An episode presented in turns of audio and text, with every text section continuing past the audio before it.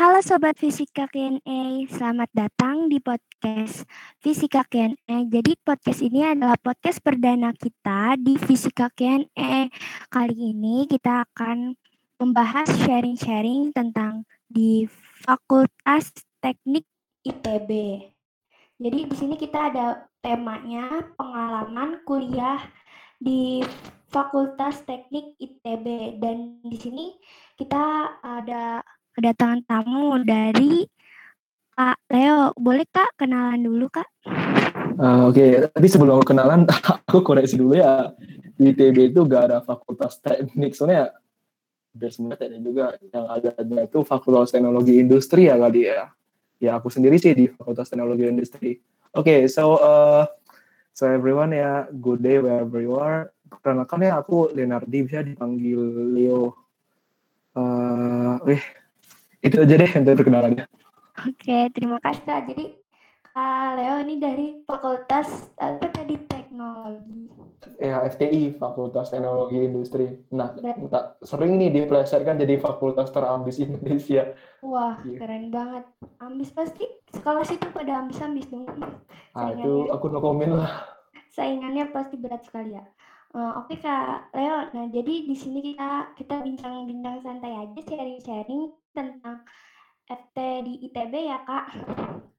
Uh, di sini kita udah ada list pertanyaannya nih buat Kak Leo.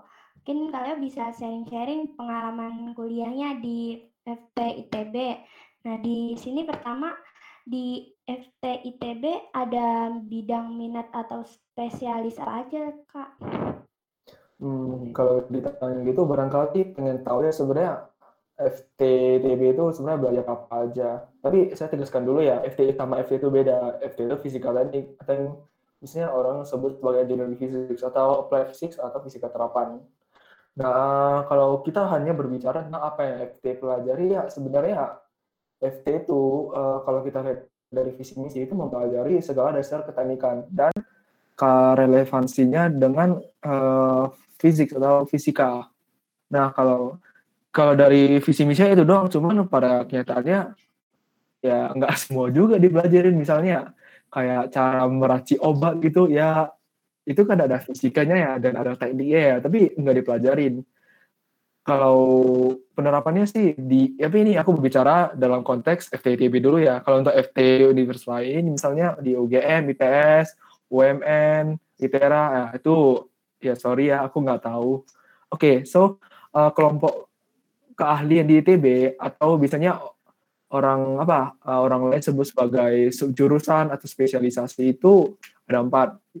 Yang pertama tuh IK instrumentasi dan kontrol. Kedua tuh telefisika. Ketiga tuh AFM atau Advanced Functional Material atau bahasa Indonesia itu uh, material fungsional maju. Dan keempat itu fisika bangunan. Oke, jadi pertama itu instrumentasi dan kontrol. Itu tuh bisa dibilang sebagai salah satu kelompok keahliannya FTTB yang paling terkenal ya kalau untuk di FT karena memang uh, sampai sekarang itu butuh akan instrumentasi kontrol itu dari keempat bidang kakak ini di FTTB memang masih yang paling besar. Nah, kenapa bisa yang paling besar? Nah, sejujurnya aku juga nggak tahu. Wah, Oke, sekarang mungkin ada yang nanya ya, uh, apa IK ITB itu sebenarnya belajar apa? Oke, jadi KITB itu secara simpel belajar tentang bagaimana cara membuat alat, uh, bagaimana cara mengukur, dan bagaimana pengendaliannya. Oke, itu pertama. Kedua tuh tadi yang teknik fisika ya. Nah, sebenarnya teknik fisika ini rada nggak jelas ya, cuman kalau dilihat-dilihat dari yang aku mengerti, teknik fisika untuk sekarang itu dia berfokus kepada manajemen energi dan energi terbarukan dan bersih. Misalnya, uh, solar panel, hidrogen, fuel cell dan lain-lain. Nah, sebenarnya itu tuh bisa digabung nih sama IKA dan sebenarnya agak mirip-mirip dan soalnya IKA itu kan instrumentasi dan kontrol dan apalagi bagian instrumentasinya ini ini sangat mirip dengan yang uh, KKTF ya. Nah, kenapa bisa berbeda ya? Itu aku juga nggak tahu lah. Oke, yang ketiga itu material. Nah, uh, material di TF itu berfokus pada material fungsional. Nah, material fungsional itu apa? Intinya material fungsional itu adalah material yang bisa memiliki sifat atau karakteristik yang berbeda jika uh, diberikan perlakuan yang berbeda. Misalnya, kita nih mau bikin sensor oksigen. Nah, sensor oksigen ini tidak akan memberikan tegangan. Nah, kalau misalnya udah ada oksigen, dia baru bisa mengeluarkan tegangan.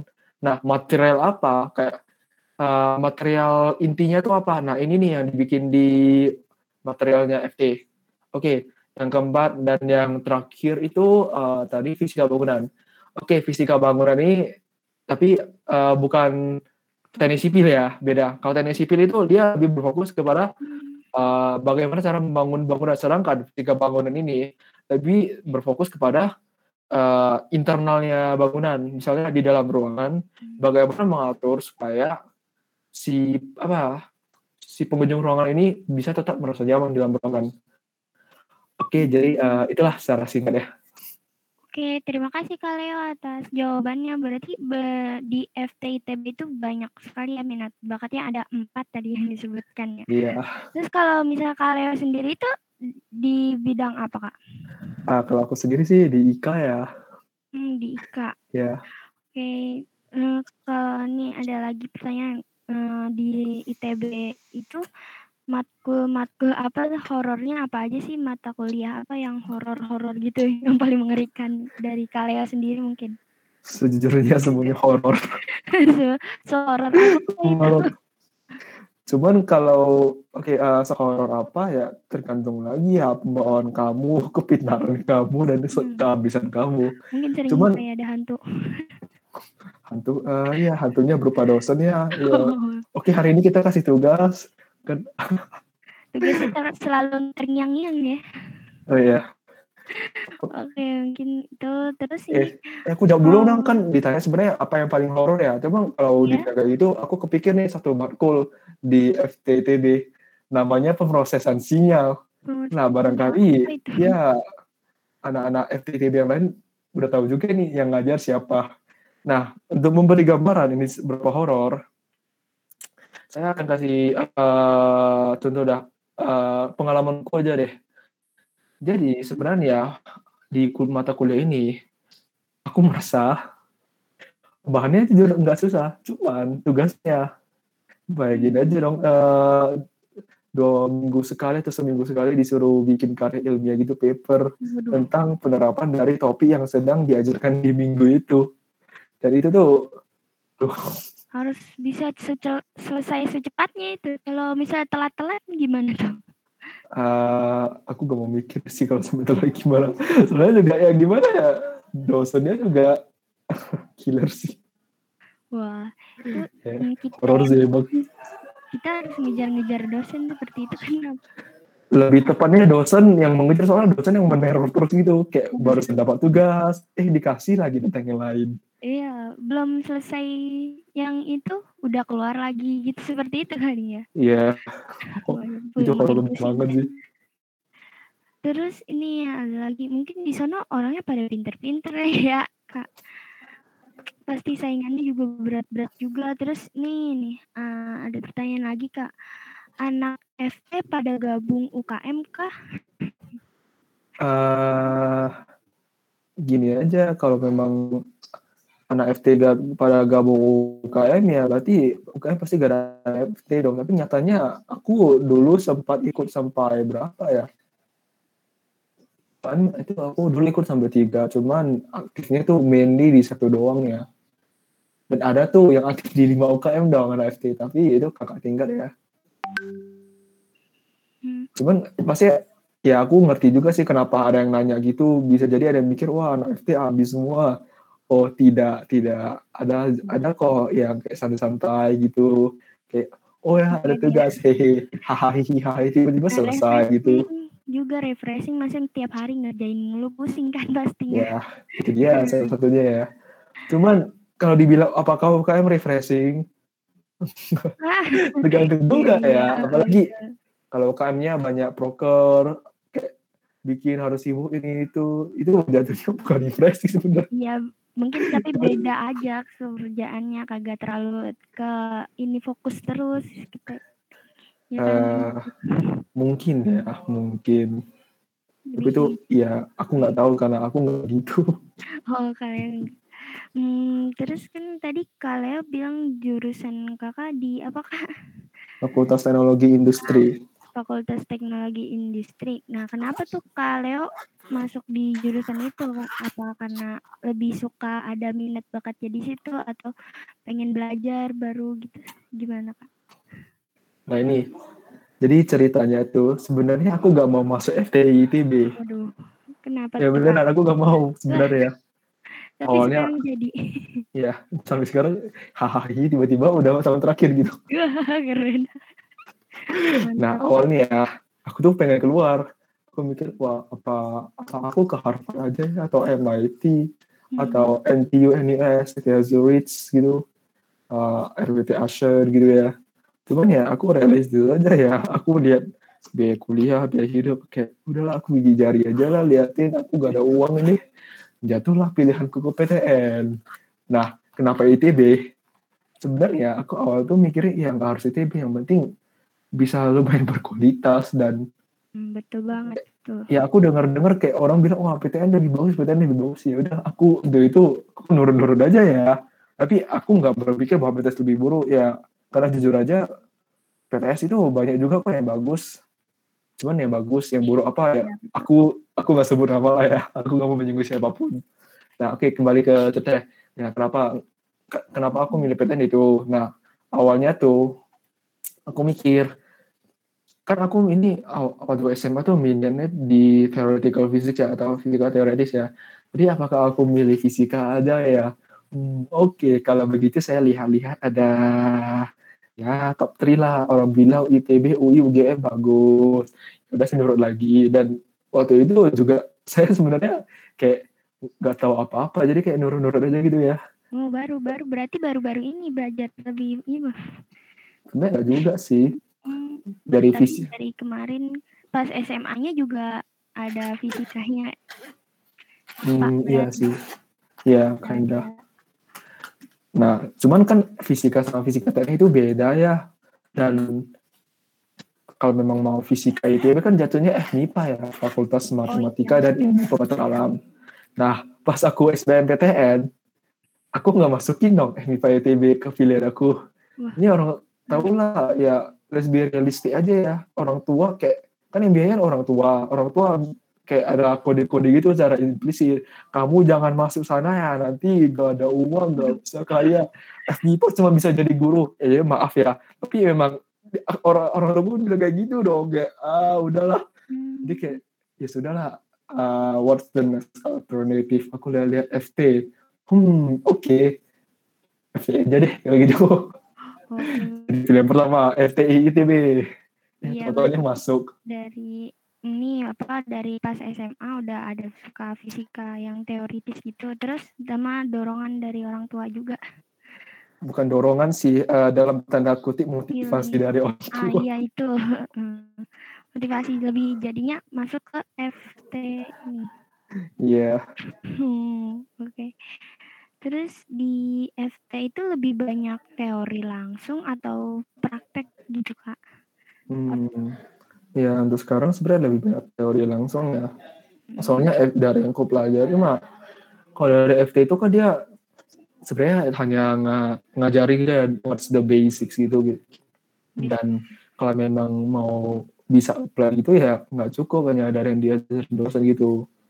Dan kuliah pola ini juga sebenarnya banyak juga di jurusan di ITB yang lain. Kalau dulu universitas lain ah, aku nggak tahu ya. Ya misalnya contohnya di FT itu kalau berhubungan dengan mekatrika, eh, mekatronika dan robotika tuh maka ada metode sensor dan pengukuran, eh, laboratorium teknik fisika, laboratorium IK itu diajarin macam-macam misalnya dari PLC, Arduino, eh, Python, C++ gitu atau misalnya kayak mau lebih ke IoT gitu kan ada tuh diajarin misalnya kayak JavaScript, Node.js, Node-RED gitu kan. Tapi itu tuh hanya diajarin yang dasar gitu. Jadi kalau memang mau mendalami satu ilmu di dalam sana itu itu gak cukup hanya dari kuliah. Dan aku udah ngerasain sekarang bahkan kan ya yang aku kerjain sekarang itu uh, itu sama sekali nggak diajarin di FT aku perlu belajar sendiri gitu dan gak ada yang ngebimbing dong Cari Jadi- di luar juga berarti. Iya emang dan itu udah biasa gitu loh di FT Hmm, berarti pada pinter-pinter semua pastinya di sana pada nggak hanya nggak cukup juga belajar di tempat perkuliahan tapi belajar juga di lainnya gitu ya. kalau semua pintar sih enggak juga ya Ya tapi ada ada semangat lah semangatnya tinggi banget pasti ya. Ah, enggak enggak juga soalnya kalau ada orang yang kayak nggak ada semangat di FT itu juga ada gitu kayak manusia beragam banget sih emang Salah jurusan mungkin ada. ah iya itu banyak tuh yang kelempar ke FT banyak Ya, itu sedih banget. ya. Tapi dijalanin aja bisa ya. Hahaha, tiba-tiba skripsi Keren keren sih. Hmm, berarti di ETB itu nggak hanya kayak teknologi doang ya, berarti ada yang fisikanya juga, terus yang lain-lain gitu ya. di Nah, yang saya tahu ITB kayak teknologi-teknologi doang, kirain saya. enggak juga sih kan ada SBM ITB ya ada manajemen kewirausahaan ya dan lain-lain gitu kan. FSRD di ITB juga Hmm. Banyak banyak juga ya hmm, jurusan-jurusan di ITB. iya emang Terus ini Kak, ah, ada lagi nih. Kalau di FT itu prospek kerjanya apa Kak? Kakak sendiri udah kerja Kak? Wih, ini Kak pertanyaannya. udah pasti ya Kerjanya. kalau kuliah bisa kerja apa Pasti ada better question is bisa kerja apa kalau setelah kuliah Ya, kalau itu tergantung ya, lagi. Hmm, tergantung lagi sih sama diri kamu mau kerja apa dulu dan dan apa yang lowongan yang dibuka apa ya cuman kalau kita hanya lihat dari skillsnya FT nah ini beragam sih kalau menurut kakak FT ini ya itu bisa kerja di perusahaan otomasi bisa Hmm. kerja di perusahaan arsitektur gitu arsitektur konsultan atau bisa ya kerja di peneliti gitu misalnya Untuk peneliti profesor ya. ya ada jadi profesor kalau lulusan FT Wow, profesor gitu atau ya itu uh, ngurusin uh, kilang minyak juga ada kilang minyak bro apa tuh uh, perusahaan energi juga ada perusahaan pangan juga ada ah, Hmm, Prospeknya bagus banget ya itu. Keren-keren semua juga langsung turun ke lapangan. hmm, Iya. Kalau kakak sendiri udah kerja kak? iya Udah kerja di mana kak? Udah. Uh, di mana tuh kalau aku bilang juga aku kayak kayaknya pada gak tahu sih temennya cuman ya udah uh, itu tuh sibernetika teknologi industri itu tuh startup yang baru berdiri 2019 Hmm, kalau tahu PT Cinovasi ya yang di Bandung. PT Siber ini itu anak perusahaannya PT Cinovasi. oh, ya, gitu. Siber ini. Sibernetika Teknologi Industri. Oh, in- in teknologi industri. Siber kata saya siber-siber yang bisa ini yang di internet-internet. Oh, eh, itu aku nggak tahu ya kenapa namanya begitu. Cuma sampai sekarang aku nggak ngurusin kayak misalnya protokol internet gitu sih. Kakak berarti sekarang masih kuliah semester akhir ya kak? Oh bukan bukan aku belum semester akhir ini aku baru mau naik semester 7 loh. Oh baru mau semester 7. Terus Iya. gimana tuh kak kuliahnya selama masa pandemi ini? Ya online. Online lancar aja atau banyak tugas? Apa ada praktikum online gitu?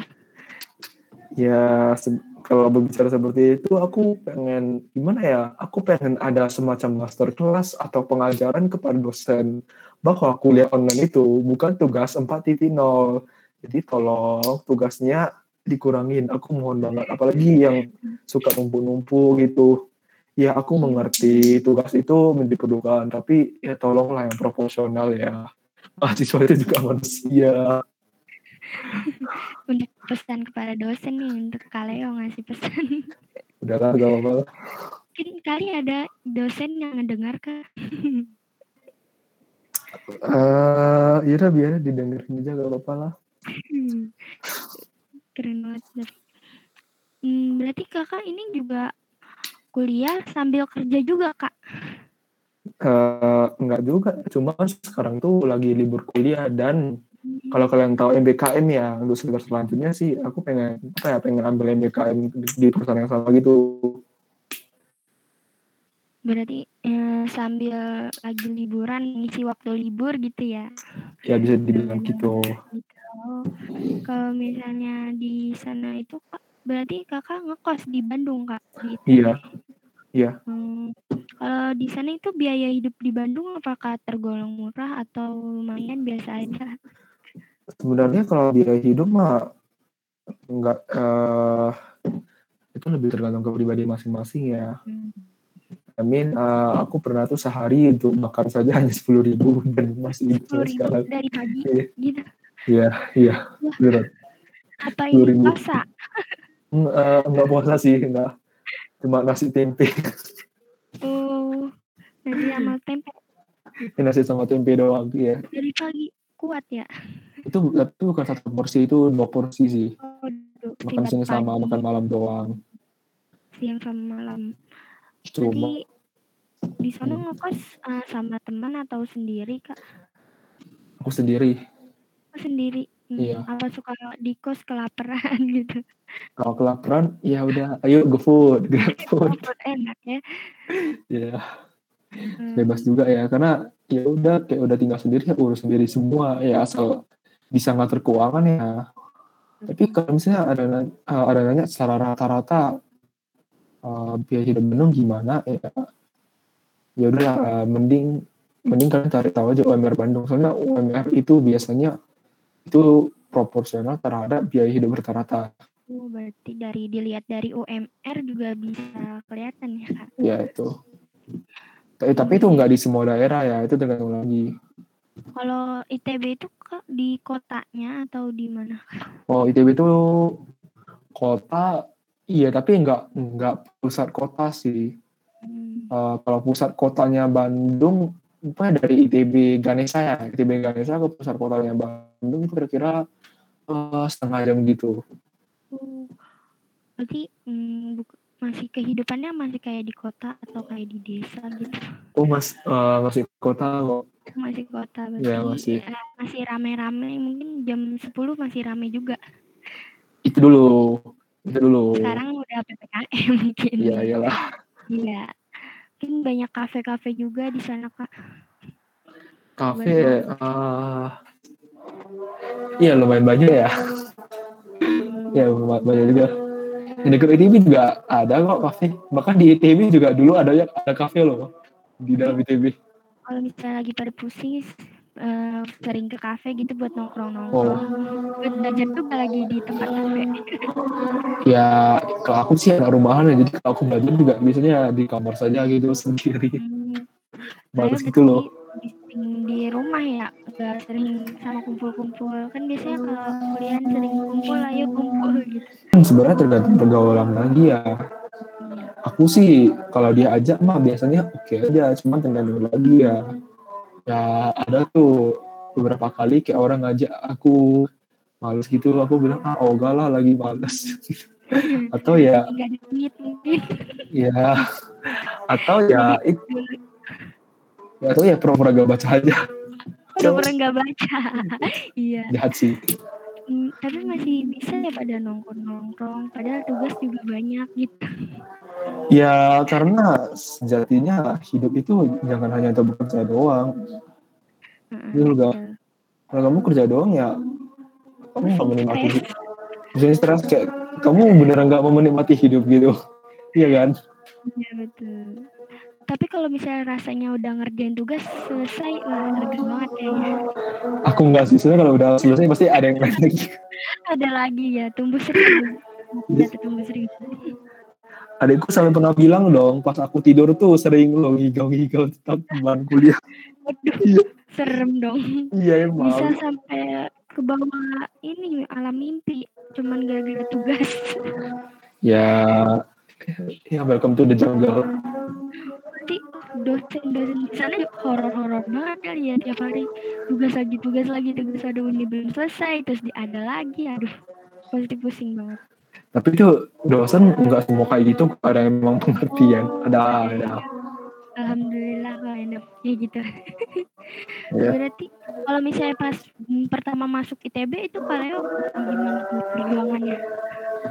perjuangan mau masuk ITB uh, aku harus jawab gimana ya nih? Karena aku jujur aja kan aku dulu dulu garage operation ya.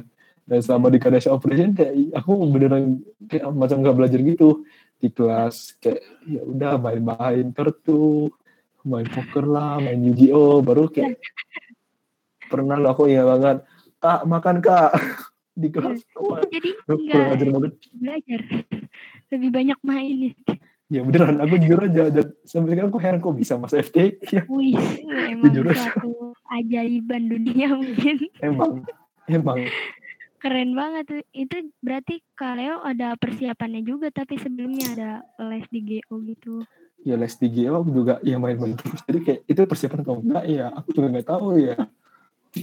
Ya kan mungkin di kelasnya juga kayak aktif mungkin ini. Uh, aktif pun main hehehe. Iya kan betul. Iya, jadi masuk bakal TB mungkin terus juga lulusan dari sekolahnya banyak kan. Uh, lulus di kalau di yang angkatanku yang sekolahku dari masuk ITB itu totalnya empat orang. Satunya itu SNM dan yang SNMPTN satu angkatan hanya yang ITB ini. Wow. nah, kenapa gitu aku gak tahu. Kalau sisa tiga ya SBMPTN duanya hmm. teknik kimia satunya teknik pertambangan satunya lagi aku. Banyak banget ya. Nggak banyak sih sebenarnya. lumayan. Lumayan ada ininya nih buat ke ITB kan. Berarti di sana apa lagi ya? Asik sih ya? Um, kalian berarti seringnya di rumah aja kak? Nggak pernah ikut keluar gitu? Ikut lagi keluar. Hmm. Pernah sih kak. Kalau lagi perlu ke kantor gitu ya aku keluar. Hmm, iya. Sekarang kalian ini ya ke kantor. Buat hmm. nambah-nambah buat hidup juga lumayan. Nggak selalu ke kantor ya. Soalnya kalau memang nggak ada keperluan ya aku work from home aja. Karena kantorku mah yang penting ya, ya tercapai targetnya ya. Ya, hmm, berarti itu kerjanya seperti apa itu kak? Uh, gimana ya jelasin ya? Ya kan ini tuh perusahaannya sebenarnya bergerak di bidang otomasi ya, ya mau industri atau misalnya mau robotika gitu. Dan kalau aku mah sekarang uh, sekarang tuh sebenarnya dikontrak sebagai junior engineer. Oh, engineer. Nah, job description-nya apa? uh, jujur aku juga gak tahu cuman ya kayak ada kerjaan oke okay, aku kerjain itu oh, lumayan tapi dapat kan uh, berapa gitu ya bisa nutupin kalau uh, total biaya hidup aku sama kos aku tuh bisa ditutup kok sama gaji bulanan ya Alhamdulillah. Ada ya, kalau kalau saya di SMK mungkin kayak PKL PKL gitu. Oh ya, ya bisa jadi ya. Kalau eh, kuliah ada magangnya juga kak? Oh iya ada. Kalau di ITB itu magang tuh sebenarnya wajib ya. Tapi ada beberapa jurusan yang nggak mewajibkan magang. Nah, jurusan apa aja yang mewajibkan dan apa yang tidak mewajibkan aku juga nggak tahu. Cuman jurusanku itu mewajibkan magang. Dan magang itu bisa disebut KP. Uh, eh, KP itu kerja praktek. Hmm. Magang terus nanti udah ada magang juga ada ini tugas akhir skripsi. Oh ya itu pasti ada. Nah, itu katanya lebih horor sih kata yang cerita-cerita kakak-kakak kelas. Emang nggak salah sih horor tapi ya mau gimana lagi ya kalau memang nggak mau berapa gitu ya yang kuliah gitu aja kan. Kalau kamu kuliah ya selama menikmati aja. Wah, harus. iya kan. Harus dipersiapkan semuanya pokoknya. Pas dari awal mau masuk, mau udah udah masuk juga harus komitmen gitu ya kan iya punya banyak tugas terus tadi yang pas pertama juga ya uh, Kak Leo bilang kan ke FT lapangan pekerjaannya luas ya dan mudah diperoleh Aku gak bilang mudah diperoleh, aku gak bilang ya, aku gak bilang Cuman, gitu. Tapi banyak aja di langsung ada tempatnya kayak pertambangan, seperti itu bangunan. Apa tuh? Hmm pokoknya kan dalam kehidupan sehari-hari kan fisika pasti ada ya kan. Iya. Berarti lapangan pekerjaannya pasti luas ya kak. Enggak juga sih sebenarnya. Enggak juga. Itu mungkin ada hmm. ada yang FTITB menyimpang sama pekerjaan tahu-tahu dia jadi psikolog. Ah itu aku gak tahu ya kalau dari FT ke psikolog. Cuman kalau dari lulusan FT jadi manajer ada, aku kenal Oh, oke. banyak, banyak loh. Kalau jadi Eh, guru mungkin ada. jadi guru ada juga. Eh, barangkali tahu ya apa tuh Unilever ya, tahu kan? Unilever. Mungkin nyimpangnya tidak terlalu jauh masih ada di lingkupan itu ya kak. Ilmu teknis ya semuanya pasti ada sisi teknis ya dong. Jadi kalau kalau bilang begitu berarti pekerjaan apa pun tidak menyimpang. Tapi eh, ada bedanya pekerjaan teknis dan pekerjaan ya manajerial atau biasanya manajerial itu yang yang lebih mengurus ke sumber daya manusia. Barangkali tahu Unilever, aku lupa sih. Eh, pokoknya ada tuh eh, satu lulusan FT ITB, aku lupa angkatan berapa. Dia tuh jadi manajer pabrik eh, Unilever Keren. Australia kalau salah. Australia. Ya, nah, Unilever Australia. Hmm, Kalau nggak salah ya, Australia atau New Zealand deh. apa pekerjaan di Australia kak? Pokoknya bukan di, di Indonesia sih ingatku. Antara New Zealand atau Australia dan Unilever.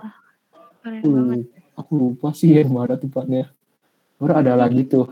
Delegasi. Ah, delegasi pak. Ada apa ya tuh? eh, jadi apa tuh? eh, jadi apa, apa jadi eh, pekerja di perusahaan konsultan arsitektur. oh, Iya, ada. arsitek. arsitektur bahkan ada yang jadi pemilik perusahaan gitu eh tahu Kahuripan Group gak? Oke, Oh, iya. eh, pokoknya dia pemilik perusahaan Kahuripan Group. Wah keren Kalau banget salah sih. pemilik atau apalah. Berarti kalau FT itu lebih kayak ke penerapan fisika dalam kehidupan ya kak, kayak bangunan, terus tadi yang pertambangan.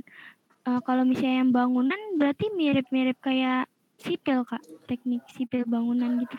Eh, apakah FT lebih ke kehidupan sehari-hari? Well, yes, but no.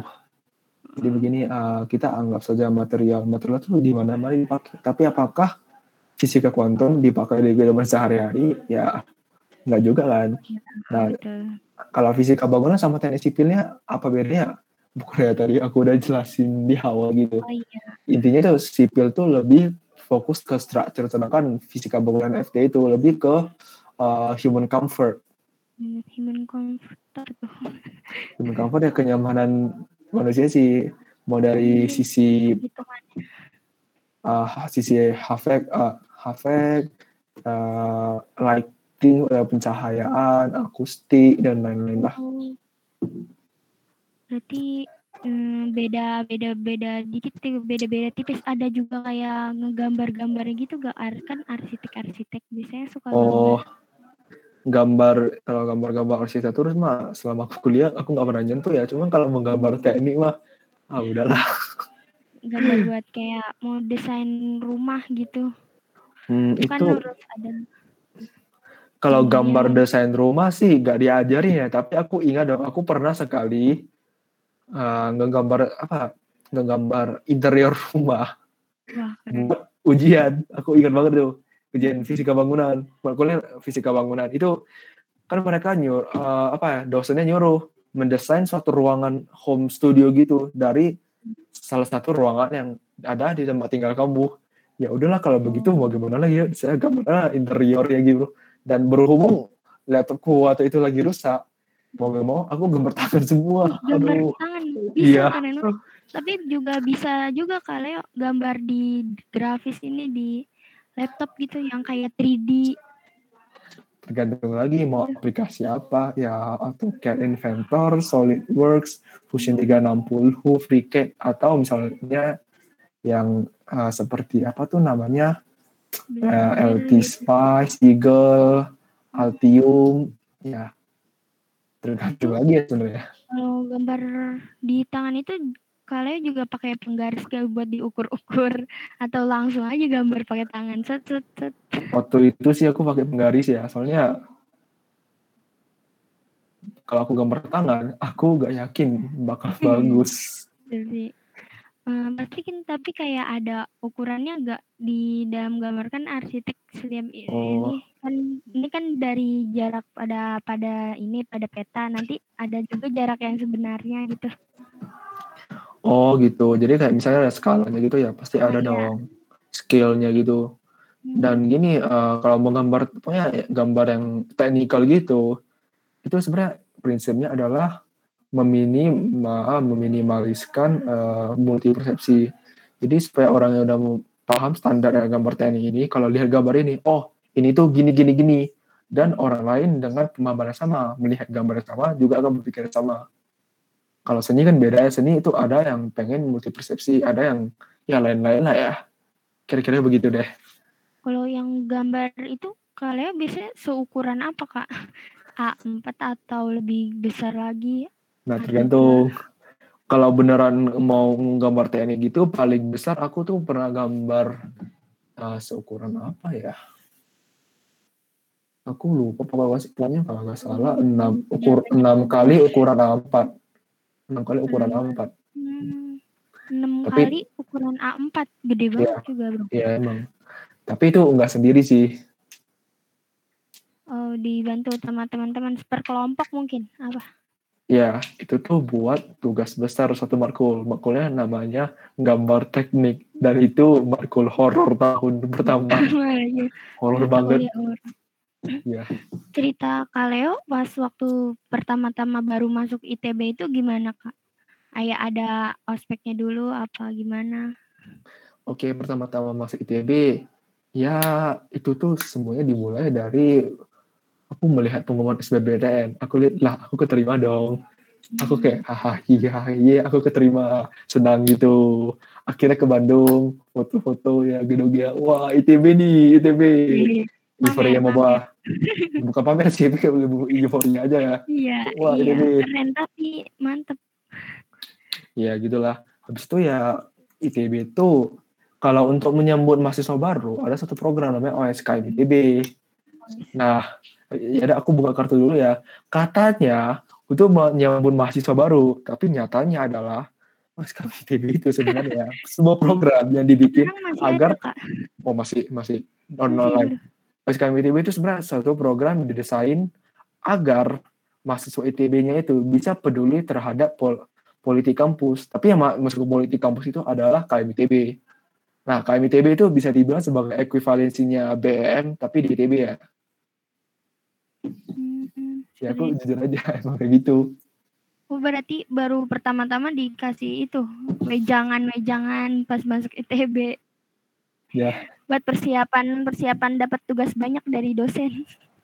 Kayak dikasih motivasi gitu. ah, kalau ah, Oh, kalau perihal motivasi segala macam itu ada tuh yang namanya SMPE, SSDK. Nah, kepanjangannya apa? mm-mm. Aku juga lupa. Iya.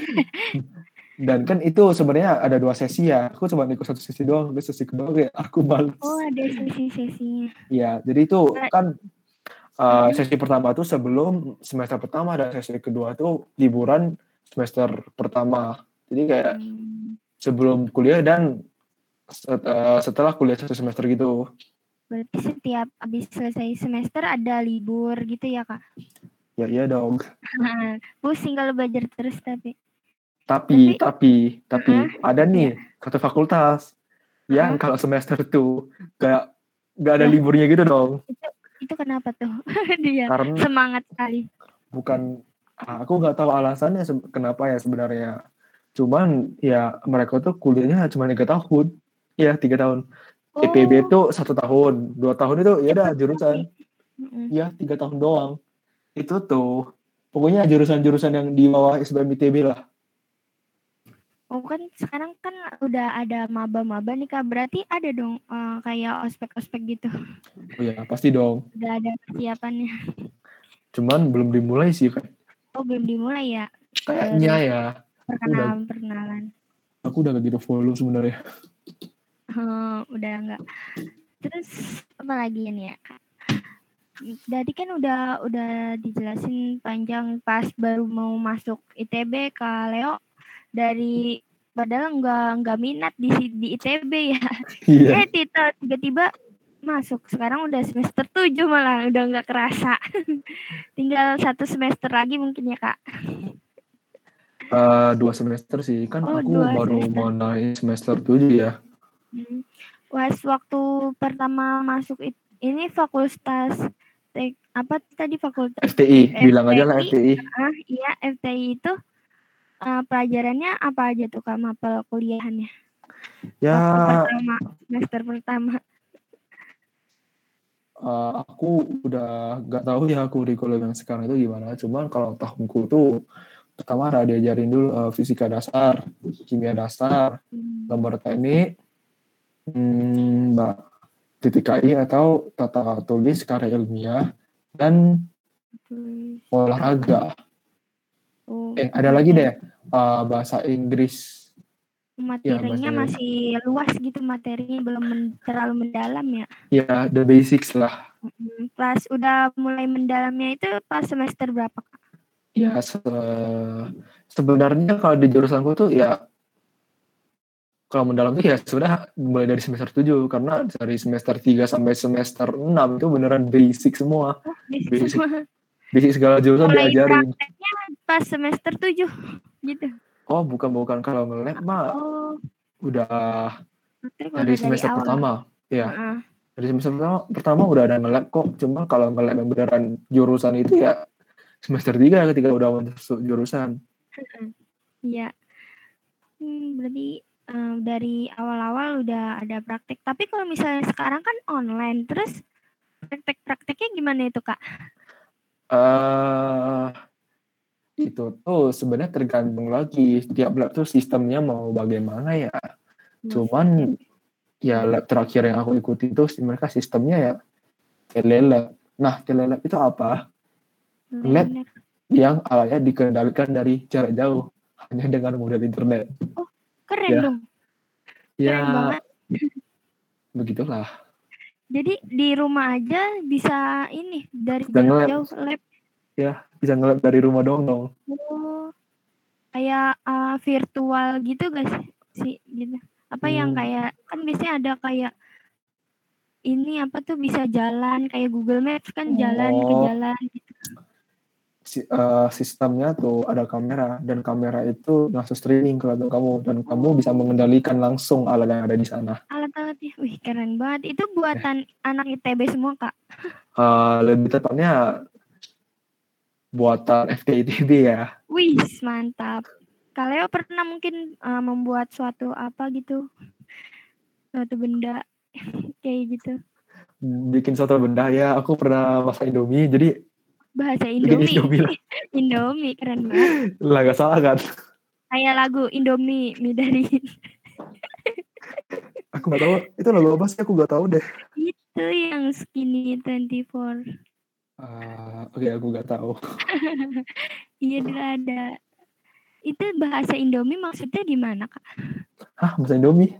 Tadi tadi uh, tadi buat apaan bahasa Oh bukan, kan ditanya aku pernah bikin apa ya, aku uh-uh. bilang aja aku pernah masak Indomie. Oh masak Indomie, dikira bahasa, ternyata masak masak Indomie, yeah. jadi prakteknya buat masak Indomie pakai rumus fisika gitu. Enggak juga sih, ya feeling-feeling aja kira-kira oh minyak udah lembek nih udah lembek oke okay, langsung dimakan aja itu tugas nggak nggak nggak nggak nggak nggak nggak nggak sampai gitu, nggak sampai gitu. Tugasnya cara membuat mie tanpa pakai rumus fisika dengan di titik didihnya berapa gitu. Eh, uh, saya kira ada baiknya kalau kita ngomongin fisika terus ya. Pusing nih, mungkin sharing-sharing aja di sini. Nanti pada yang dengar juga pada kepusingan. Ya, ya, gue dia.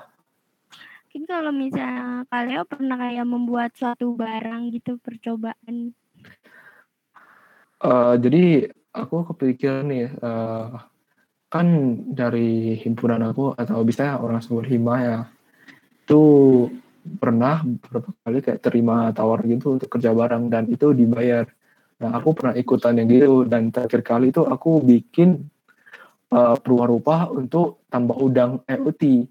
Nah tambah udang EOT itu apa? Intinya adalah tambah udang yang bisa di uh, diawasi dan bisa diatur hanya dengan bermodalkan internet. Wah. Makanya internet IoT itu Internet of Things. Ya, pokoknya semua ter tersambung internet deh.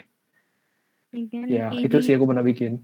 Hmm, di TB berhubungannya dengan ini internet-internet mulai karena teknologi ya. Enggak juga sih. Uh, enggak juga ternyata. Enggak semua teknologi itu harus internet kan soalnya. kayak misal, itu. Kayak misalnya material science, material science kamu hubungan sama IoT ya kayaknya agak jauh ya kecuali pembuatan material untuk alat IoT. Ya kan? Hmm, iya. Banyak berarti ya enggak terlalu enggak selalu internet IT yeah. IT atau hacker pernah. ya enggak juga dong. kan ini apa kan kayak dunia IT IT biasanya gitu. Hmm. Kalau itu mah teknik informatika sih biasanya. Hmm. Kalau ini lebih ke bangunan ya, teknik FTI ya.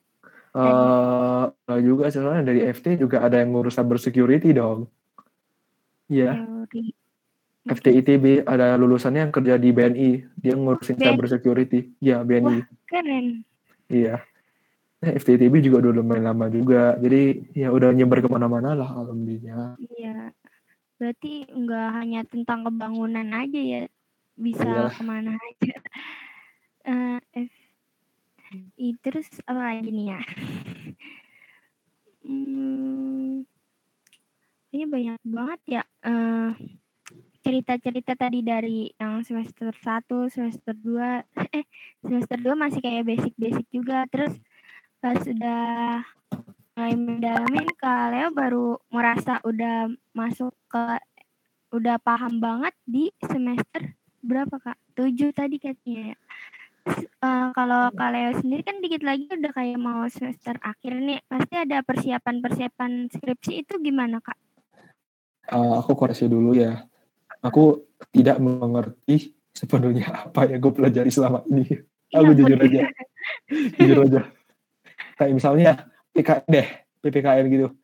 Jujur aja aku nggak gitu mengerti karena tapi jadi dari tugas yang diberikan jadi lancar-lancar aja tapi. Uh, enggak semuanya lancar. Enggak semuanya lancar. Itu disclaimer dulu yang enggak yeah. terkumpul banyak ujiannya hancur banyak enggak terkumpul waduh ya. uh, pasti pusing banget bisa gak sih kayak bantuan orang joki-joki gitu Ya, jadi ITB itu pernah kejadian nih.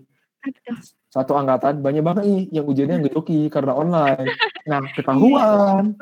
Nah, setelah ketahuan, wah banyak nih yang kena DO. Ya, betul. Berarti ada DO-nya juga ya sistem DO. Sebenarnya kalau di ITB dia bukan eksplisit bilang DO tapi lebih ke dalam tanda kutip dibujuk untuk meninggalkan ITB. Oh, dibujuk dimeninggalkan. Nah, dibujuknya gimana? Aku gak tahu juga sih. Nggak ada yang mungkin jadi turun lagi dari semester awal lagi gitu. Itu aku gak tahu ya. Tahu ngulang lagi di semester itu. Jadi lama lulusnya. Kalau lama lulus karena pindah jurusan sih ada ya. Oh. Ya, ada pindah jurusan. Pindah jurusan juga. ITB sulit banget ya dari mulai masuknya juga sulit pas udah masuknya juga ditantang lagi bang banyak makin banyak tantangannya ya. Iya. Yeah. Seru sih. Oke, aku jawab dulu yang persiapan skripsi tadi. Uh, jadi aku pengen lurusin dulu ya sekali lagi ini tuh yang terjadi di ITB dan se yang sepengalamanku dan sepemahamanku. Dan ini tuh sebenarnya tergantung lagi jurusan itu sistemnya bagaimana. Nah, untuk jurusan aku itu tuh pertama untuk mengerjakan tugas akhir atau skripsi itu tuh perlu dulu kita masuk lab. Nah, di ITB itu kan banyak labnya dan tiap jurusan aja labnya bahkan ada yang lebih dari 10 dong. Wah, mantap. Ada yang lebih dari 10. Tiap hari beda-beda lab berarti. Ah, enggak, enggak, enggak, bukan, bukan gitu, bukan gitu. Oh, enggak. Maksudnya untuk tugas akhir gitu. Jadi oh. Uh, kalau di jurusanku tuh sistemnya nanti lab itu bakal rebutan lagi kayak Hunger Games lagi lah. Nah, gimana kamu bisa masuk lab yang kamu inginkan? Sejujurnya aku juga gak tahu. Soalnya sekarang juga belum, ya belum Hunger Games masuk lab lah. Soalnya juru, uh, prodi atau jurusan gitu administrasi masih fokus ke kerja praktek. Hmm, nah setelah masuk nanti itu ada dosen nih. Nanti biasanya uh, dosen yang jadi kepala lab itu jadi dosen pembimbing satu. Dan dosen pembimbing dua itu biasanya bebas mau siapa pun gitu. Nah dari dosen gitu bisa didiskusikan gitu topik tugas akhir uh, topik tugas akhirnya mau apa? Dan yang dikerjakan itu berupa apa nah itu tuh biasanya nanti ada orang satu dibimbing ya dibimbing tugas akhirnya. Ya itu uh, kalau dibimbing aku no comment soalnya udah tau lah ya cerita dosen yang bilang pas tugas yeah. akhir. Itu ya udahlah kita gak usah didaya lah ya itu memang memang ada kejadian kayak gitu soalnya cuman ya itu intinya jadi flownya kayak ya masuk lab diskusi sama dosen pilih dosen pembimbing uh, baru nanti nyari lagi nih partner tugas akhir atau mau sendiri aja juga bisa sih. Hmm, seperti itu. Oke yeah. jadi uh, dari awal masuknya udah seperti itu sulit terus juga di ininya di dalam perkuliahannya juga lumayan. Tapi kalau misalnya kita dari kitanya enjoy enjoy aja insya Allah kelar ya kak. Terus juga prospek kerjanya pasti bagus gitu uh, prospek kerja bagus aku jujur aku meragukan itu ya. Karena ya kita jujur aja siapa sih tahu fisika teknik apalagi nih aku sering banget nih ditanyain kamu jurusan apa? Fisika teknik oh fisika. So fisika doang. Oh fisika. Iya, saya taunya fisika. Berarti ngitung-ngitung mulu dong fisika. Semua engineering pasti ngitung percayalah. Iya iya kan iya. cuman aku bukan maksudnya gini ya kenapa aku kesel aku bukan merendahkan yang dari lulusan fisika ya ataupun dari jurusan fisika cuman sering banget orang menganggap fisika dan fisika itu sama. Jadi pekerjaan yang masuk ke dalam bidang ke, uh, kelompok keilmuan dan fisika teknik, kalau misalnya ada orang dari FT yang ngelamar di posisi itu dan alasannya dicoret karena tidak relevan, sudah biasa. Aku jujur aja. Ya karena HR-nya itulah biasalah kayak fisika teknik, oh fisika Fisika, ya, fisika masih ada lagi ternyata ya lebih luas iya. lagi. Udah dari IPA, IPA terus fisika, fisika lebih luas lagi fisika yang tadi teoritis. Ya. Sebenarnya fisika mah semua bidang engineering ada ya. Soalnya mau gimana pun kita tetap perlu sense yang fisika itu. Kayaknya arsitektur kita perlu sense uh, arsitek juga sebenarnya kan perlu sense fisika supaya bisa kira-kira tahu bangunan yang dia desain ini bisa dibangun atau enggak sebenarnya. Iya kan? Iya betul Kak. Mungkin kita ini um, bincang-bincangnya udah sampai 30 menit lebih Kak. Nah terakhir mungkin ya Kak. Uh, kesan dan pesan kakak pas masuk di ITB itu apa Kak? Boleh Kak? Oh ya, welcome to the jungle. welcome to the jungle. Itu sangat seperti dunia hutan rimba Kak. Welcome to the jungle. Uh, jadi aku aku jelasin dulu deh. Jadi sebenarnya kuliah tuh nggak melulu hanya tentang pelajaran, tapi tentang bagaimana kita berinteraksi dengan orang-orang yang ada di lingkungan itu ya. Misalnya ada mahasiswa dan dosen gitu.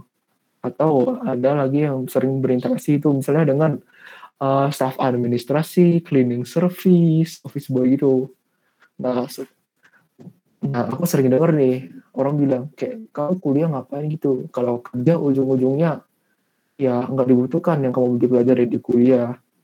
Ya ya, ya memang sebenarnya benarnya dan kalau memang kamu hanya ingin kerja untuk apa? Kuliah. Kuliah itu mahal. Mending ya udah langsung setelah SMK atau SMA ya kerja aja misalnya jadi SPG SPB atau teller di bank atau misalnya jadi kasir atau jadi barista gitu ya. Itu I mean it's very possible you know. It's not impossible to do that nah what sebenarnya kalau tempat kuliah yang bagus itu bakal offer hal yang enggak di uh, ditawarkan di luar institusi pendidikan yaitu mentorship. Nah, mentorship yang aku maksud itu bukan seperti kayak misalnya ada mentor, ada menti, jadi kayak tiap hari nah dia jadi bulan ini kamu harus gini gini gini gini ya. Oh, bukan, bukan itu maksudku. Oh, bukan, bukan itu. Ah, bukan gitu juga ya. Maksud mentorship yang aku maksud ini adalah uh, ketik dari pihak institusi pendidikan ini dia bakal ngasih tahu kalau kamu masuk jurusan ini kira-kira yang kamu pelajari itu bakal berhubungan dengan ini dan silabusnya ini nih. Nah, kira-kira dari selama mempelajari ini kamu akan memahami keilmuan-keilmuan yang ini ini ini nih. Berarti Nah, setelah di, itu udah dikasih tahu-tahu nih apa aja yang harus dipersiapkan gitu kan kak. Eh, dipersiapkan, iya betul. Tapi persiapkan apa lagi ya? Ya Mm-mm. persiapan banyak juga ya. Udah nggak semua persiapan itu bakal diajari gitu. Oke, aku lanjut dulu ya. Maksudnya eh, mentorship itu kayak udah kamu bakal kira-kira nanti kerjanya bakal bisa di ini ini ini. And then eh, bi- biasanya kalau memang udah berdiri lama, tiap jurusan itu ada tuh namanya ikatan alumni jurusan masing-masing dan dari sana itu bisa lagi tuh kamu manfaatin kayak koneksi kenalan gitu. Makanya banyak yang bilang Ya, soft skill itu penting. Karena memang betul Ya, Cuman- juga. ya cuman soft skill itu penting hanya ketika yang kamu pelajari itu berguna. Ya betul. ya kedengarannya terus tapi gini aku jelasin dulu ya. Mhm. ada yang berpikir bahwa soft skill itu penting jadi dia ikut organisasi sebanyak-banyaknya dan malah ngilang. Itu banyak loh kayak gitu. Dan sejujurnya yang di mataku yang gituan tuh ya sama aja seperti tidak mengikuti organisasi. Dan sorry to say orang kayak gitu tuh jadi beban organisasi ya. Ya sorry to say ya. Kalau di organisasi lebih banyak berinteraksi sama orang-orang sih biasanya gitu. ya emang. It, that's the point gitu Materi gini. enggak terlalu banyak sih Hmm. materi, tapi cuman ada kita punya banyak relasi seperti itu. tapi sebenarnya itu tergantung lagi dari tujuan organisasi itu apa. Cuma kalau kita mau berbicara tentang perorganisasian, itu udah out of topic ya sebenarnya. Dan kalau kalian mau bicara itu di next podcast aja lah ya. Iya. Oke, aku lanjut dulu ya. Eh, kalau memang soft skill itu kan ada benar ikut banyak ngilang dan beban itu ya jujur aku pernah ketemu orang juga gitu juga dan aku sering kesel sama orang itu. Saranku adalah kalau memang melatih soft skill dengan ikut organisasi kamu nggak harus ikut soft skill yang ada di dalam eh, lingkungan kampus. Kamu juga bisa ikut kok yang di luar misalnya ISEC atau apa yang namanya satu lagi aku lupa deh. Eh, atau misalnya kalian bisa ikut organisasi keagamaan gitu misalnya kan ada NU Muhammadiyah gitu ya. Hmm, Atau- NU ada. atau kalau bisa kalau lebih ekstrem lagi ikut parpol ya silakan aja sebenarnya. Soalnya kayak jadi mahasiswa itu sebenarnya let's say bisa dibilang salah satu masa yang paling bebas menurutku ya. Soalnya aku juga ngerasa gitu setelah selama aku jadi mahasiswa pokoknya kayak apa yang aku ingin lakukan itu beneran kayak terbuka gitu kayak kamu Banyak. pengen organisasi keagamaan? Oke ada. Organisasi politik enak ada. organisasi humanoria eh, juga ada. Organisasi yang beneran teknis gitu yang isinya kayak ikut lomba riset gitu oh ada juga gitu. Cuman dari diri kitanya sendiri mau apa enggaknya ya ini. ah ya itu. Harus ada semangatnya juga buat ya niatan membuat mau lebih berpengalaman mungkin Iya. pengalaman lagi. Iya betul. Tapi gini uh, perlu ditekankan lagi. Uh, kalau kita berbicara soft skill lagi itu akan lebih berharga jika kita mengikuti sedikit organisasi, tapi pengaruh kita di organisasi itu Oh, besar iya, daripada betul. kamu mengikuti banyak tapi pengaruh kamu sedikit. Iya betul banget. Tapi kalau misalnya kayak banyak organisasi tapi ada jadinya pada ke singkir-singkir jadi tugasnya gitu. Ya, jadinya Nah, iya. pada jadi AFK pada ngilang, Nah, iya betul itu. ya kan? Jadi organisasinya enggak keurus Ya itu karena dia. banyak ini ya organisasi dua berdua dua organisasi gitu mungkin kayak dia ketua di sini terus ketua juga di sana waduh itu pasti ribet banget Aku pernah sih kayak gitu ya jujur itu. Ya sebenarnya urus sih iya, cuman gini eh, aku sampai burn out gitu. Kalau kayak eh, dari bangun sampai tidur kayak kena terus ya. hmm, Dari istirahatnya cuma tidur aja. bisa Burn out sih. Oke. Oke, aku lanjut dulu ya perihal apa ya? Perihal apa yang ditawarkan oleh institusi pendidikan terutama itu mentorship itu dan mentorship kan tadi udah perihal tentang interaksi dengan manusia. Oke. Yang apa ya? Mentorship people people pelajaran gitu. Nah,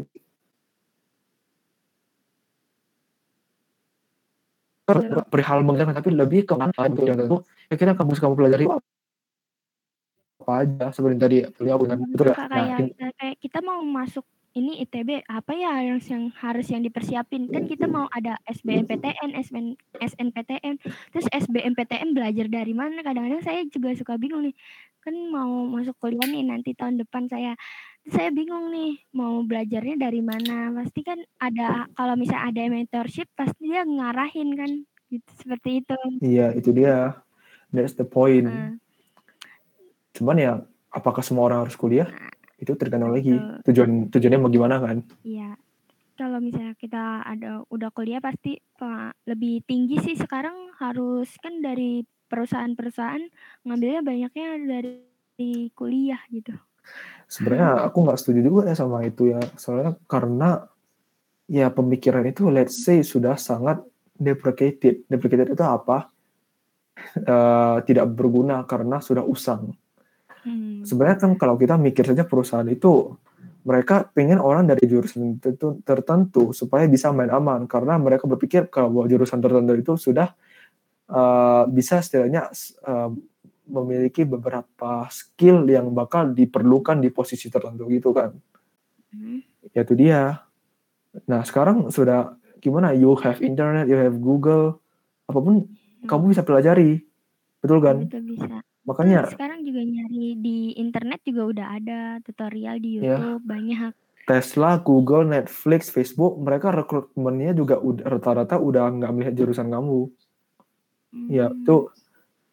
t- Tapi aku bilang rata-rata ya, bukan semua ya, bukan semua. Nah, Data. Oke, mungkin udah dari tadi kita udah ngomong sampai 30 menit, mungkin lebih Kak, udah mau sejam ya Kak. Eh, terakhir kali pengalaman berkesan di ITB apa nih Kak? Kaleo? Berkesan sih banyak, cuma kalau mau yang paling berkesan sih ya, ya apa ya, susah sih ini kalau jawabnya.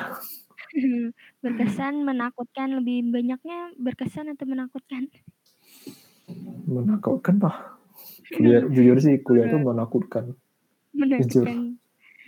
Tapi tetap terus semangat ya Kak. Hmm, Nggak tetap semangat sih. ya kayak ya orang terus ka- karena nggak tahu ya entah aku yang terlalu sinis atau apa saya aku menganggap orang yang terus semangat dan semangat nggak ada tuh dia kayak apa ya kayak dia terus denial bahwa dirinya perlu istirahat gitu Jangan. udahlah harus topi lah itu cuma gini oh ya aku kepikir sih eh, pernah sih kayak suatu malam gitu kayak aku mikir kayak sebenarnya aku ngapain sih kuliah Ya ampun. Udah. itu berkesan banget dan aku mikir ya dan ya kesimpulan kenapa aku masih perlu kuliah itu aku dapatkan malam itu dan kesimpulannya simply because ya kuliah itu eh, seru ya Iya seru banget. kayak ada kebagian tertentu gitu hanya eh, buat ngutik-ngutik ngulik-ngulik jurusannya tapi juga bisa ke lebih dunia luar ya kak. Kalau dunia luar sebenarnya nggak perlu kuliah sebenarnya. Tapi dengan pas kuliah baru kayak tahu kan kita ada minat bakat Iya. apa udah tersedia di sana kan banyak sesuai minat bakat kita. Jadi yang sama yang satu frekuensi tujuannya. Jadi mahasiswa itu privilege tinggal itu. Oke, mungkin udah banyak-banyak ya Kak. Terima kasih Kak Leo nih atas jawaban sharing-sharing tentang kuliah di ITB dari eh, apa apa yang harus dipersiapkan terus jadi dari baru baru masuk ITB itu Kak Leo kayak gimana terus di semester 1 belajar apa terus prospek kerjanya juga apa. Terima kasih banyak ya Kak Leo ini sharing-sharingnya semoga bermanfaat nih buat eh, teman-teman semua nih sobat Fisika KNA. Oke, mungkin Kak Leo ada pesan yang disampaikan untuk sobat fisik Q&A. Kalau untuk sobat fisik Q&A, ya gini aja sih. Kalau untuk sobat fisik Q&A, kalian mau konten, ya silakan saja. Ya stay in, uh, stay in, apa ya? Tetaplah menginspirasi orangnya. Apa, apalagi ya, karena aku pernah jadi admin fisik Q&A juga ya dan kebanyakan apa ya? Kebanyakan orang yang nge-DM akunnya itu bisa dibilang kayak dalam tanda kutip kehilangan arah gitu. Dan it's not always about physics. Ya, pernah karena aku pernah dong uh, dapat DM gitu dan orangnya malah nanya tentang apa kehidupan dan dia nanya-nanya gitu kehidupan gitu tentang keluarga gitu Oh, karena enggak. hidup kita nggak hanya tentang ilmu doang kan Betul, betul. iya kan Ya, Iya, kan kehidupan juga perlu kan. Kehidupan sehari-hari. Seperti itu kayak bi- kebiasaan apa ya namanya? Cara menjalani hidup lah. Hmm. Gitu ya. Eh, ter- terima kasih Kak Leo hmm, atas semuanya. Eh, jadi kita ini kali ini podcast yang hari ini perdana kita di Fisika Q&A.